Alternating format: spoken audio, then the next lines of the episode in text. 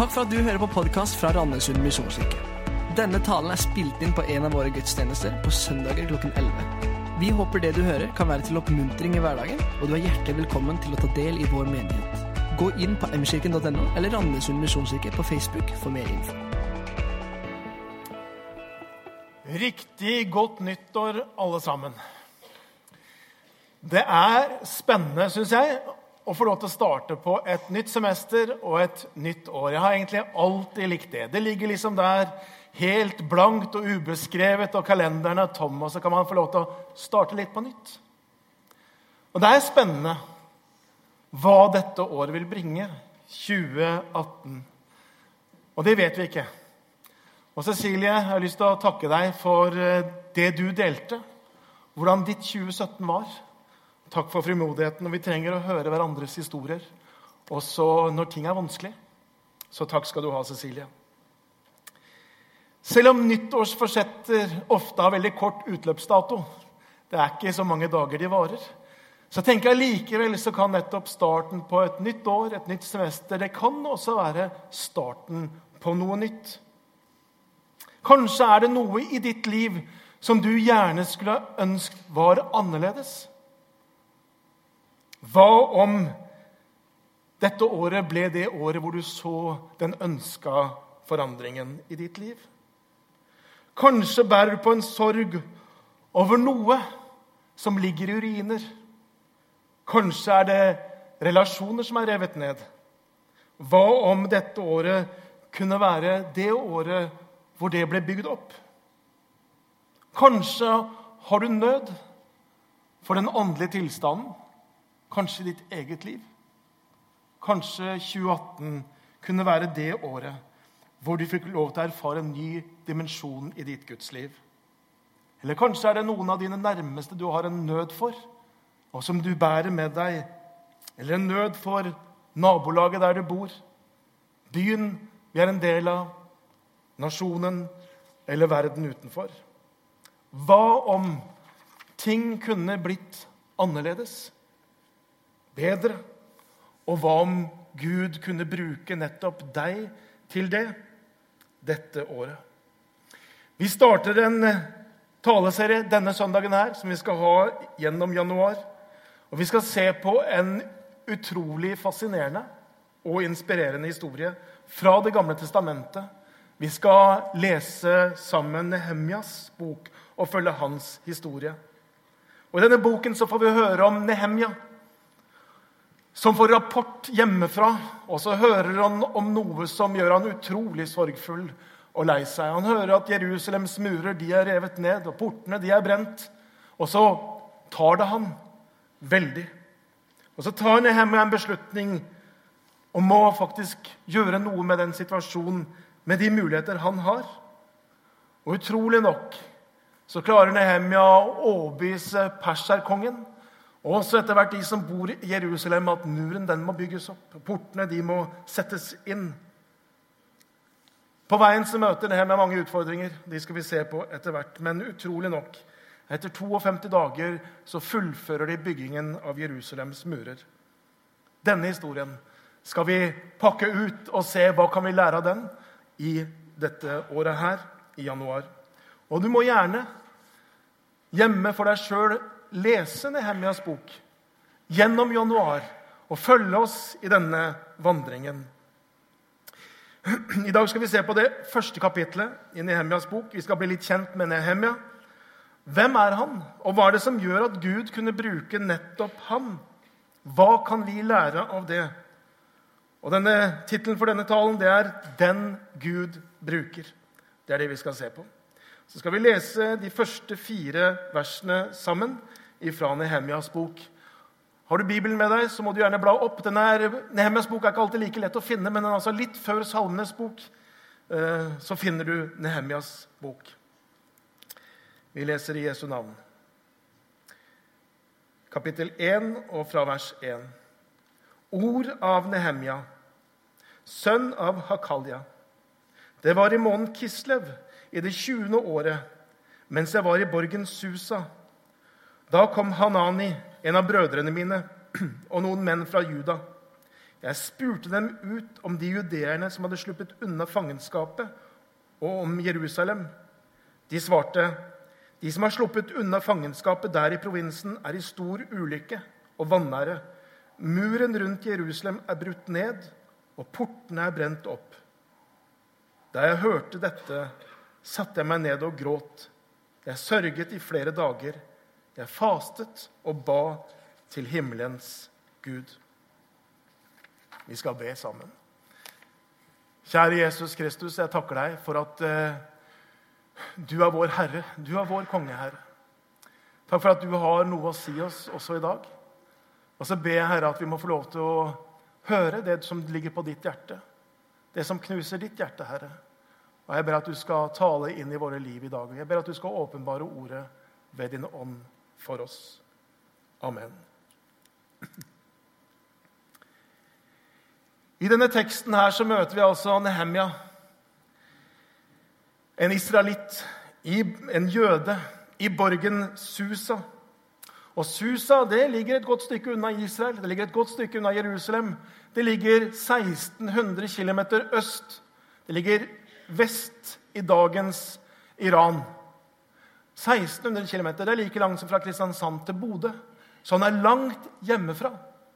Om du hadde tilfeldigvis ramla inn i borgen på dette tidspunktet og møtt Nehemja der, og så hadde du spurt han, hva i alle dager gjør en israelitt som deg her, i Susa? Ja, så hadde Nehemja helt garantert sagt, vet du hva, det er en lang historie. Og Hvis du hadde sagt ja, men det går bra, jeg har tid for en lang historie, så hadde han helt sikkert begynt å si ja, da må vi ta det helt ifra begynnelsen. Og det er at Gud han sluttet en pakt, opprettet en pakt med Israel, med Abraham og med Moses. Og Så kan du spørre ja, men hvorfor i alle dager skulle Gud opprette en pakt akkurat med, med Israel. da?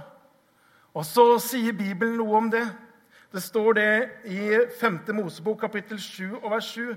Når Herren hadde godhet for dere og valgte dere ut, var det ikke fordi dere var større enn alle andre folk, men for at dere er det minste av alle folkene. Det minste av alle folkene. Slik at Gud kunne vise sin storhet. At Gud kunne åpenbare hvem han var. Derfor så velger han ut Israel. Og Så går historien, og så er Israel på toppen på en måte av sin tid. Eh, sin storhetstid har de under kong David ca. 1000 år før Kristi fødsel. Og David han samler et stort israelsk rike der.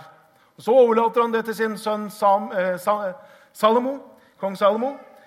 Og så klarer Salomo å på en måte holde dette riket sånn noenlunde sammen. Men når Salomo gir det videre til sin sønn, så begynner problemene. Og ikke så veldig lenge etter så splittes dette riket, Israels rike, to riker. Ett i sør og ett i nord. Og så begynner forfallet. Det begynner å falle fra Gud. De begynner å være opprørske og ulydige. Til tross for alle advarsler som de får gjennom profetene, gjennom mennesker som sier de må vende om til Gud, så fortsetter forfallet og frafallet. Og så ender det med at det nordlige riket som hadde Samaria som hovedstad, det blir eh, inntatt av det asyriske riket. Eh, Samaria faller som hovedstad, og folket føres bort. Og da er vi 722 år før Kristus. Og så går det ikke så mye bedre med det rike sør, selv om de der også har noen gode konger innimellom.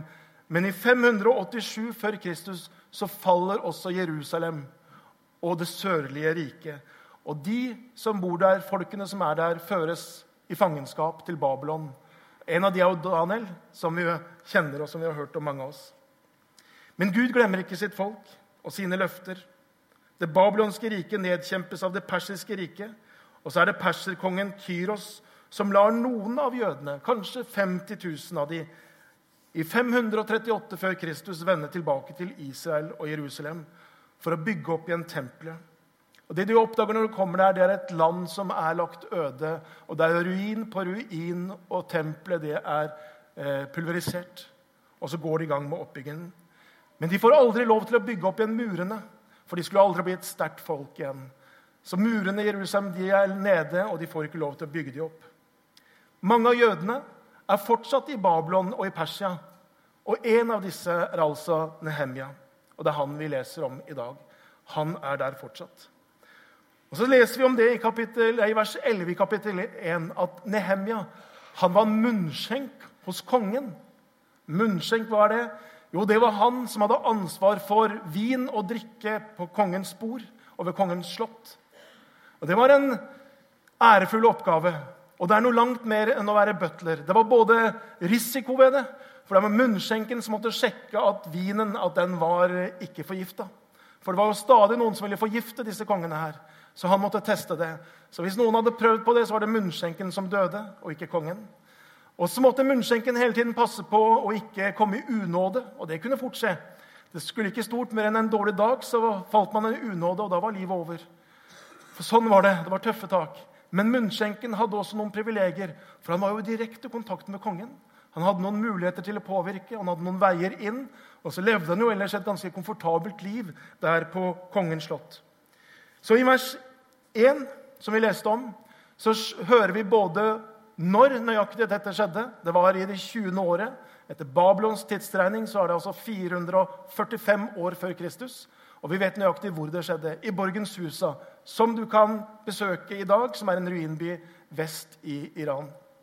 Der, akkurat der var det det skjedde. Og det som skjer, og som vi hører om, det er at Nehemia han får besøk hjemmefra. Det er noen som har kommet for å besøke han, og så står det at han spør de ut. Jeg spurte dem ut om de judeerne som hadde sluppet unna fangenskapet, og om Jerusalem. Han han avhører de nærmest. Han intervjuer de. Han vil ha denne informasjonen. Hvordan står det til der? Og Rapporten som han får, den er nedslående. De svarte de som har sluppet unna fangenskapet der i provinsen, er i stor ulykke og vanære. Muren rundt Jerusalem er brutt ned, og portene er brent opp. For de bortførte israelittene, de som var i Babylon, så var jo Jerusalem det var på en måte det de håpte på. Det var det de stolte på. Det var symbolet for deres gudsliv. Det var symbolet for identitet. Det var symbolet for hvem de var, og det var håpet om at en gang skulle de samles. Så Derfor så var det så mye symbolverdi til Jerusalem. Så når Nehemia får høre dette, så er det så mange lag av sorg og knust håp i det han hører. Og så hører vi noe om hva som skjer. Nehemja får disse dårlige nyhetene, og så står det da jeg hørte dette, satte jeg meg ned og gråt. Jeg sørget i flere dager. Jeg fastet og ba til Herren. Nøden traff han midt i hjertet. Han satte seg ned, han gråter i dagevis, han er knust. Jeg tenker Det første vi kan trekke ut av denne teksten, under overskriften 'Hvem er det Gud bruker?' er dette jo, Gud bruker den som setter seg ned og gråter. Gud bruker den som setter seg ned og gråter. River i hjertet. Det var tema på fjorårets Liv og vekst. Og noen ganger er det sånn at det er noe som river oss i hjertet. En nød som tar oss. Et behov som bare lyser mot oss. Noen ganger så ser vi noen ting som vi tenker det der, det kan vi bare ikke akseptere. Det kan vi ikke tolerere. Her må noen sette en grense. Her må noen sette foten ned. Det går ikke an å behandle folk på denne måten her. Det er ikke riktig at noen skal oppleve disse tingene her. Bill Hybels, pastor i USA, han bruker et uttrykk som har festa seg hos meg. Han kaller det for hellig misnøye. Ja, det finnes en sånn hellig misnøye noen ganger som du bare fylles av. så vet du, Sånn kan det ikke være. Vi kan ikke stå og se på at dette skjer. Vi kan ikke stå på en måte og være med på at disse menneskene erfarer det. En hellig misnøye. En annen som 400 år seinere gråter over Jerusalem, det er Jesus Kristus. Når han er på vei til Jerusalem, går veien om Oljeberget, står der og ser ned på byen som ligger foran seg, så står det i Lukas 1940 Da Jesus kom nærmere og så byen, gråt han over den. Og så er det ikke de nedbrutte murene Jesus gråter over, for de sto der fine og flotte som Herodes hadde fått satt opp. Men det Jesus gråter over, det er at denne byen de skjønner ikke at himmelen har gjestet jorden. Denne byen skjønner ikke at Gud har sendt sin sønn. Denne byen skjønner ikke, som det står, at Herren hadde gjestet dem. De skjønte det ikke. Og så fyller det Jesus med en sorg. Altså jeg tenker, Sånn gråter Jesus og hvert eneste menneske som ikke åpner når han står ved døren og banker. Jesus gråter over Jerusalem, og han gråter over alle som vender han ryggen. Gjennom sommeren i fjor så hadde vi som stab og lederskap vi hadde Nehemjas bok som eh, sommerlekse. Vi ga hverandre et, eh, en oppgave om å lese og studere gjennom Nehemjas bok. Og vi hadde et opplegg vi fulgte. 20 dagers studie over Nehemjas bok. Og så var et av disse spørsmålene der det var dette Hva er det jeg gråter over?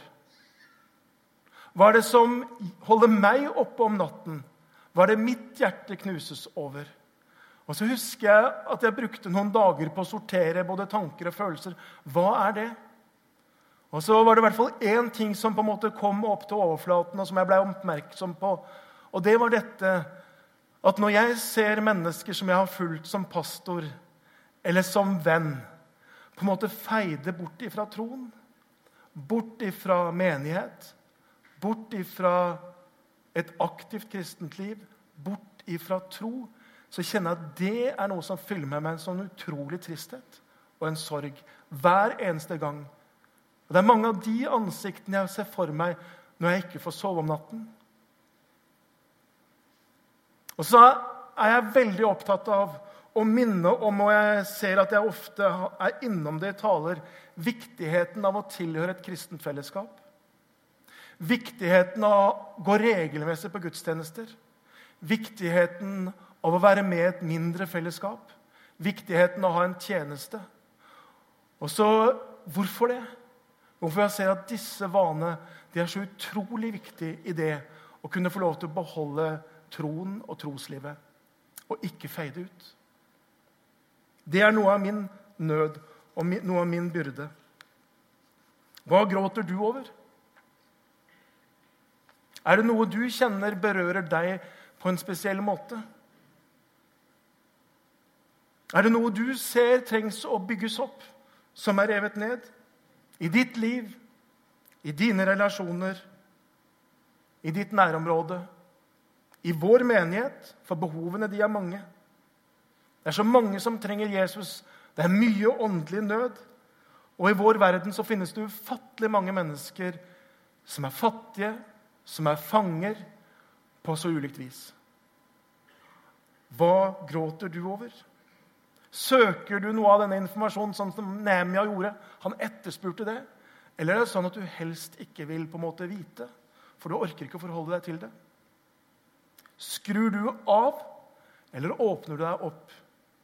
Så kan vi ikke la oss berøre av all nød som vi møter. Men det blir også feil hvis vi ikke lar oss berøre av noe nød og på en måte skrur det helt av. For i den nøden og i noe av den nøden så tror jeg også det finnes noe av Guds kall til oss. Guds dragning på oss. Som at vi skal være kanskje nettopp den mannen, den kvinnen, som skal gjøre noe med det. Det første vi lærer i dette avsnittet, er altså dette Gud bruker den som setter seg ned og gråter. Og så Det andre vi skal se på i denne talen, her, det er dette Gud bruker den som kneler ned i bønn. For legg merke til hva Nehemia gjør når han blir knust og han gråter. Det første han gjør, det er dette. Jeg fastet og ba til himmelens Gud, sier han. Det er det han gjør. Det er det han går inn i. Han gjør det antageligvis i flere dager. Det står i hvert fall at han gråt og sørget i flere dager. Bønn er et av de overordna temaene i Nehemjas bok. Og jeg tenker Bønn er hemmeligheten bak Nehemjas suksess. Og vil du bli inspirert til å be, ja, så er Nehemja en veldig god bok å lese. Bønnen her i kapittel 1 er den første av tolv bønner i Nehemjas bok. som er på en måte beskrevet. Nehemjas bok begynner med bønn i Persia, avsluttes med bønn i Jerusalem. Nehemjas bønner er fylt med tilbedelse i kapittel 8 og 9. I kapittel 1 og 9 så bekjenner han sin synd og folkets synd. Han utøser sin takknemlighet i kapittel 12. Og i kapittel 1 og 2 så ber han om at Gud skal åpne dører for det som han ønsker å gjøre. Det er bønner hvor Nehemia taler til Gud om sin frykt, om sin glede. Det er bønn og beskyttelse og for et engasjement. Og Det er en som har sagt det sånn Bønn gav Nehemia perspektiv. Det utvida hans horisont, gav han visjon og hjalp han til å takle utfordringer han møtte. Bønn er et av de overordna temaene i Nehemias bok. Og I kapittel 1 så ser vi at Nehemia ber om å få en åpning for å kunne ta opp spørsmålet med kongen, den persiske kongen om å kunne bygge opp igjen Jerusalems murer. Og Nehemia bruker derfor tid. Og det går faktisk fire måneder. Det er fire måneder fra Kislev, november-desember, til Nissan, måneden mars omtrent. Det er fire måneder hvor Nehemia kanskje tilsynelatende ikke får gjort noen ting. Men han får bedt. Og så venter han og venter og venter på å finne akkurat den rette timingen for at han kan få lov til å tale til kongen. Så kan vi tenke hva har en munnskjenk å stille opp med for denne mektige kongen? Den persiske kongen? Ikke mye, kan vi tenke. Men jeg tror Nehemia visste at når jeg har Gud med, ja, så er vi flertall uansett. Og Det er en som har sagt det sånn Gud pluss én er alltid en majoritet. Når vi har Gud med oss, så er vi alltid en majoritet. Gud pluss én er en majoritet. Hva hør det Lars leste her eh, tidlig i dag. Alt makter jeg i Han som gjør meg sterk. Når Gud er med. Og Det er jo derfor bønn er så avgjørende, og bønn er så viktig. Gud kaller sitt folk til å be. Igjen og igjen ser vi det i både Det gamle og Det nye testamentet. Igjen og igjen så kaller Gud oss til å be og til å engasjere oss i bønn. Vær utholdende i bønn, våk og be med takk til Gud, er Paulus' formaning til menigheten i Kolosseum og til oss. Vær utholdende i bønn. Våk og be med takk til Gud. Og Gjennom hele kirkens historie ser vi det at når Gud har virka, ja, så er det fordi at noen har vært der og vært i bønn. Når det har vært tider med vekkelse, så er det alltid også en strøm av bønn. En understrøm av en bønntid. Evangelisten Håkon Fagervik skriver i en artikkel i Dagen i 2016 følgende Det enkle bønnelivet var og er selve fundamentet i de gjentatte vekkelser overalt i verden, også de som har kommet over Norge. Pastor og forsker J. Eh, Edwin Orr, som har forsket mye på vekkelsehistorien, sier historien er taus om vekkelser som ikke har startet med bønn. Det starter med bønn. Og så sier han videre bønnemøtet på Øvresalen altså på pinsedag, var utskytningsrampa for vekkelsen i Jerusalem og ga oss en arbeidstegning for all framtidig vekkelsesarbeid, der vi regner med et gjennombrudd ved Den hellige ånd. Vi ønsker i denne menigheten å være en menighet som ber, og en menighet som har fokus på bønn. Eh, og Den siste uken her nå, uke én, første uken i januar, så har vi hatt bønne- og fasedager. Og Det er mange av dere som har vært med på det på ulikt vis. Noen har vært med på noen av de samlingene vi har hatt, morgen eller formiddag eller kveld. Noen av dere har brukt opplegget hjemme og vært med i bønn eh, på den måten. Noen har fasta, vet jeg, og på en måte innvia seg til Herren for det.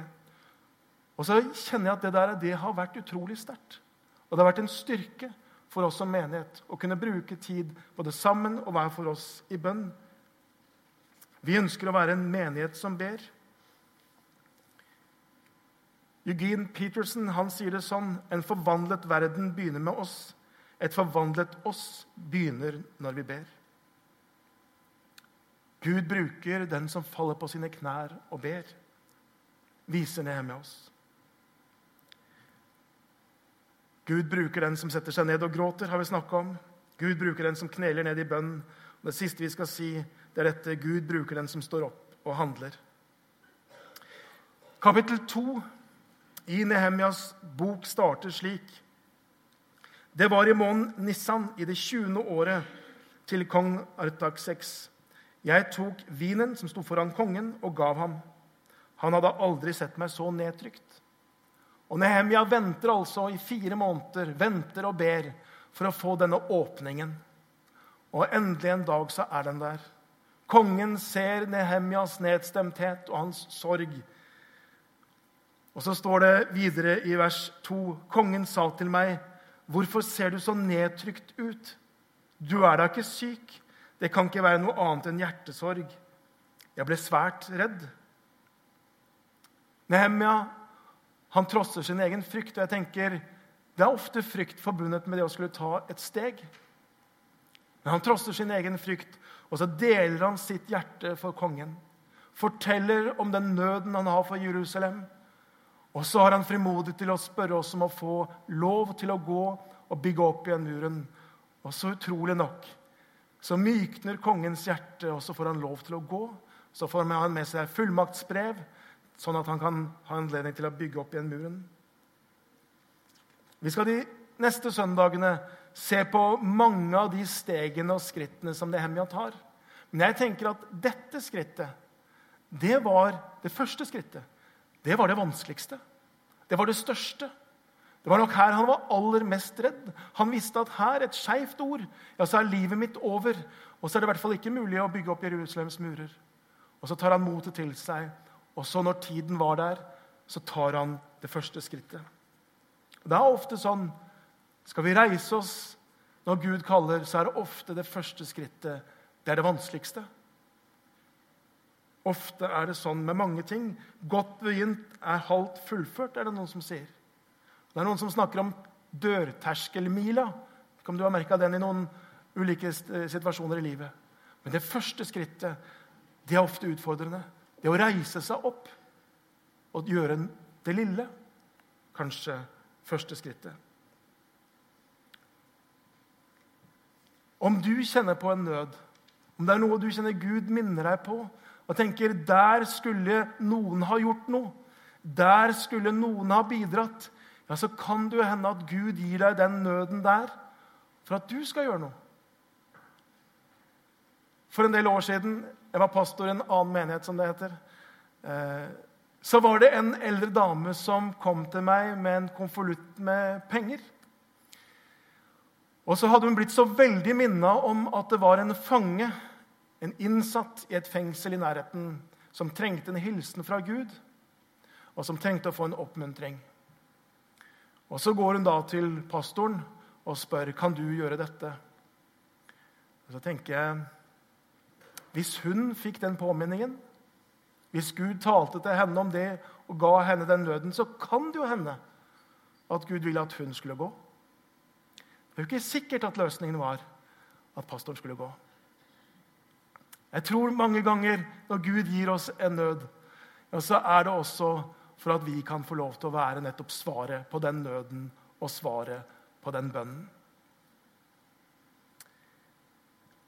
Noen ganger har det i hvert fall vært sånn med meg at det er en sånn en nød, noe som på en måte har vært der lenge, over lang tid, og som stadig kommer til overflaten som en sånn påminnelse. Altså jeg vet at Her er det et eller annet som Gud vil at jeg skal gjøre noe med. Kanskje er det mange år. For meg har det vært sånn med én ting. Og det handler om våre forfulgte kristne brødre og søstre. Helt til jeg var fra ung, så har det vært en sånn sak som på en måte har vært en sånn, som har ligget der, og som jeg av og til kjent at jeg har blitt påminna om. Og For noen år siden så begynte jeg å be ganske konkret. Gud, jeg trenger at du hjelper meg til å finne en vei, sånn at jeg kan gjøre noe i akkurat det. Og Det ble på en måte forsterka når jeg i 2010 litt tilfeldig spiste middag sammen med et ektepar, kristent ektepar fra Jemen, en forretningsmann fra Nord-Korea og ei ung jente fra Turkmenistan, som alle fortalte om hvordan det var å være kristen på disse stedene, og som var veldig forskjellig fra hvordan vi kan være kristne her i Norge. Og så kjente jeg at den der nøden og de menneskene som jeg hadde møtt, det bar jeg med meg. Og så var det litt sånn plutselig, For noen år siden, to-tre år siden så fikk jeg et spørsmål om jeg kunne engasjere meg i Åpne dører. Og så tenkte jeg ja, der er muligheten. Og så var det på en måte å kunne si ja og ta den utfordringen når den kom. Om en måned så er jeg så heldig at jeg får lov til å reise til Egypt og møte noen av våre forfulgte kristne der. Eh, og så vet dere det at de opplever sterk grad av forfølgelse. og Senest i jula nå så var det terrorangrep mot tre kirker. Ti mennesker døde, mange ble skada. Hva kan vi gjøre? Det de egyptiske kristne spør oss om og ber oss om, det er dette Be for oss. Be for oss. Og Det vil jeg minne deg om òg. Du kan være med å be for dem om du kjenner på en måte en nød for disse. Og så er de også utrolig takknemlige for besøk, sånn at deres historie ikke blir glemt. At de vet at det er noen som husker på dem. Og så er vi også med og hjelper dem gjennom den kontakten. Men det ble for meg en sånn nød som hadde ligget der over lang tid, som jeg stadig ble minnet om. Og så deler jeg det med deg fordi kanskje du har en sånn ting i ditt liv som stadig kommer litt til overflaten. Så jeg har lyst til å si be Gud om at han skal vise deg hva som kan være ditt første steg inn i det. Disse versene som vi har delt sammen i dag, de forteller oss noe om at Gud bruker den som setter seg ned og gråter. Er det noe du gråter over? Er det noe du har blitt minnet om mens jeg har talt her i formiddag? For noen ganger er det sånn Den hellige ånd virker. Pirker på borti oss, taler til oss noe. Gud bruker den som faller på sine knær og ber. Og Gud kaller sitt folk til bønn. Og noen kaller han mer enn andre til å bruke mer tid. Kanskje er det noe du skal gjøre i bønn. Og Gud bruker den som reiser seg og handler. Hva er det lille skrittet du kan gjøre inn i det Gud kaller deg til? Hva om noen ting kan bli bedre dette året? Og hva om Gud kan bruke deg? Skal vi be. Herre Jesus Kristus, takk for at du er levende, Herre. Takk for at du er her. Takk for at du virker på oss. Takk for at du kaller oss, Herre. Du kaller oss inn til deg, inn til fellesskap. Og i ditt fellesskap, i din nærhet, så vil du også dele ditt hjerte med oss, Herre. Og så ber jeg deg at du skal gjøre nettopp det. At du skal dele ditt hjerte med den enkelte av oss. Legg noe av din nød, legg noe av din gråt, legg noe av det som smerter deg, Jesus, på oss, sånn at vi kan være de som faller på kne og ber, og som reiser oss opp og handler, Herre. Takker deg for dette året som vi går inn i. Og så er det ukjent for oss, men det er kjent for deg, for du er der allerede i vår framtid. Jeg ber, Herre, at du må lede oss, og at vi kan følge deg. I ditt navn jeg ber. Amen.